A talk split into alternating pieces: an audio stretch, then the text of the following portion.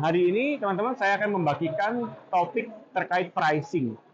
Price war sering terjadi karena apa? Perang harga karena punya target segmen yang sama dan kita berasumsi bahwa kalau target marketnya sama, maka harga kita samakan. Ternyata tidak begitu cara mainnya.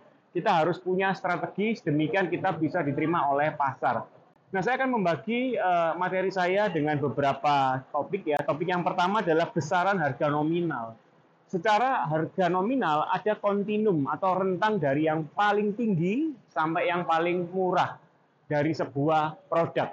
Yang paling tinggi disebut price skimming strategi. Biasanya perusahaan-perusahaan yang punya teknologi terbaru, ya misalnya smartphone, itu harga launching pertama selalu harga tertinggi. Kemudian setelah kompetitor mulai masuk, nah harga mulai mereka turunkan. Jadi skimming itu seperti kalau kita minum kopi ya, cappuccino, itu busa atas dipotong perlahan demi perlahan, itu adalah skimming. Nah, itu cocoknya adalah perusahaan-perusahaan yang launching produk baru, limited edition, kurang lebih bahasanya seperti itu adalah harga tertinggi. Setelahnya kita turun ya, turun satu tingkat disebut value based pricing atau pricing berdasarkan value added value kita terhadap customer. Jadi kita tidak main price war atau harga yang sama persis dengan kompetitor karena kita merasa punya kelebihan baik dari service, baik dari segi garansi, atau mungkin dari segi benefit tambahan lain yang tidak dimiliki kompetitor. Actually produk kita sama persis ya, tetapi karena kita menambahkan benefit tambahan, maka kita bisa meninggikan harga. Nah, itu adalah value based pricing. Harganya sedikit lebih turun daripada price skimming. Yang pertama price skimming, yang kedua adalah value based pricing. Ya, yang ketiga yang di tengah-tengah nih disebut dengan competitor based pricing atau menetapkan harga berdasarkan harga kompetitor. Nah, perusahaan yang biasanya menetapkan cara seperti ini adalah retail, ya perusahaan bergerak di bidang retail karena sifatnya barang itu bersifat komoditi, semua membutuhkan, semua atau mudah didapatkan, mau nggak mau perusahaan harus punya standar harga mirip dengan kompetitor. Kalau nggak gitu, maka customer mudah switching, mudah berpindah ke brand yang lain karena merasa tidak ada benefit tambahan.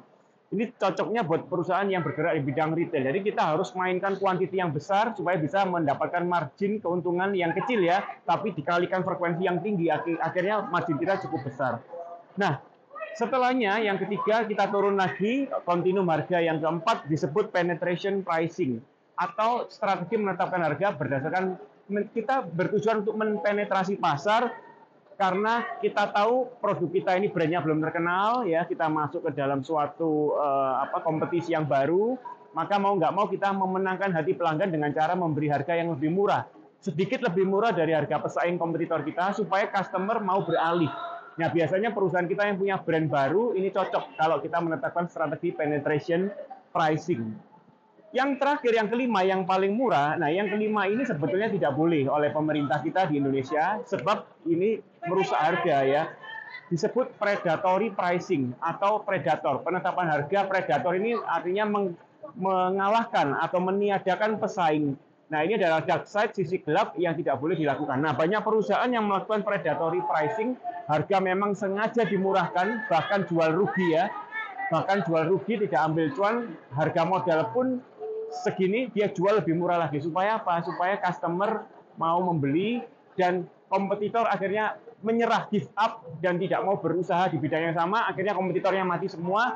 Setelah dia memonopoli ya kemudian mulai dia meningkatkan harga supaya dapat margin keuntungan. Nah ini tidak boleh di dalam pemerintahan kita sebab ini bisa uh, lakukan monopoli ya. Tidak tidak sehat untuk persaingan bisnis.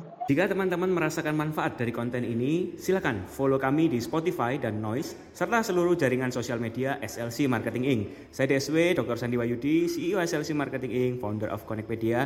Keep stupid to grow insight. Sampai jumpa.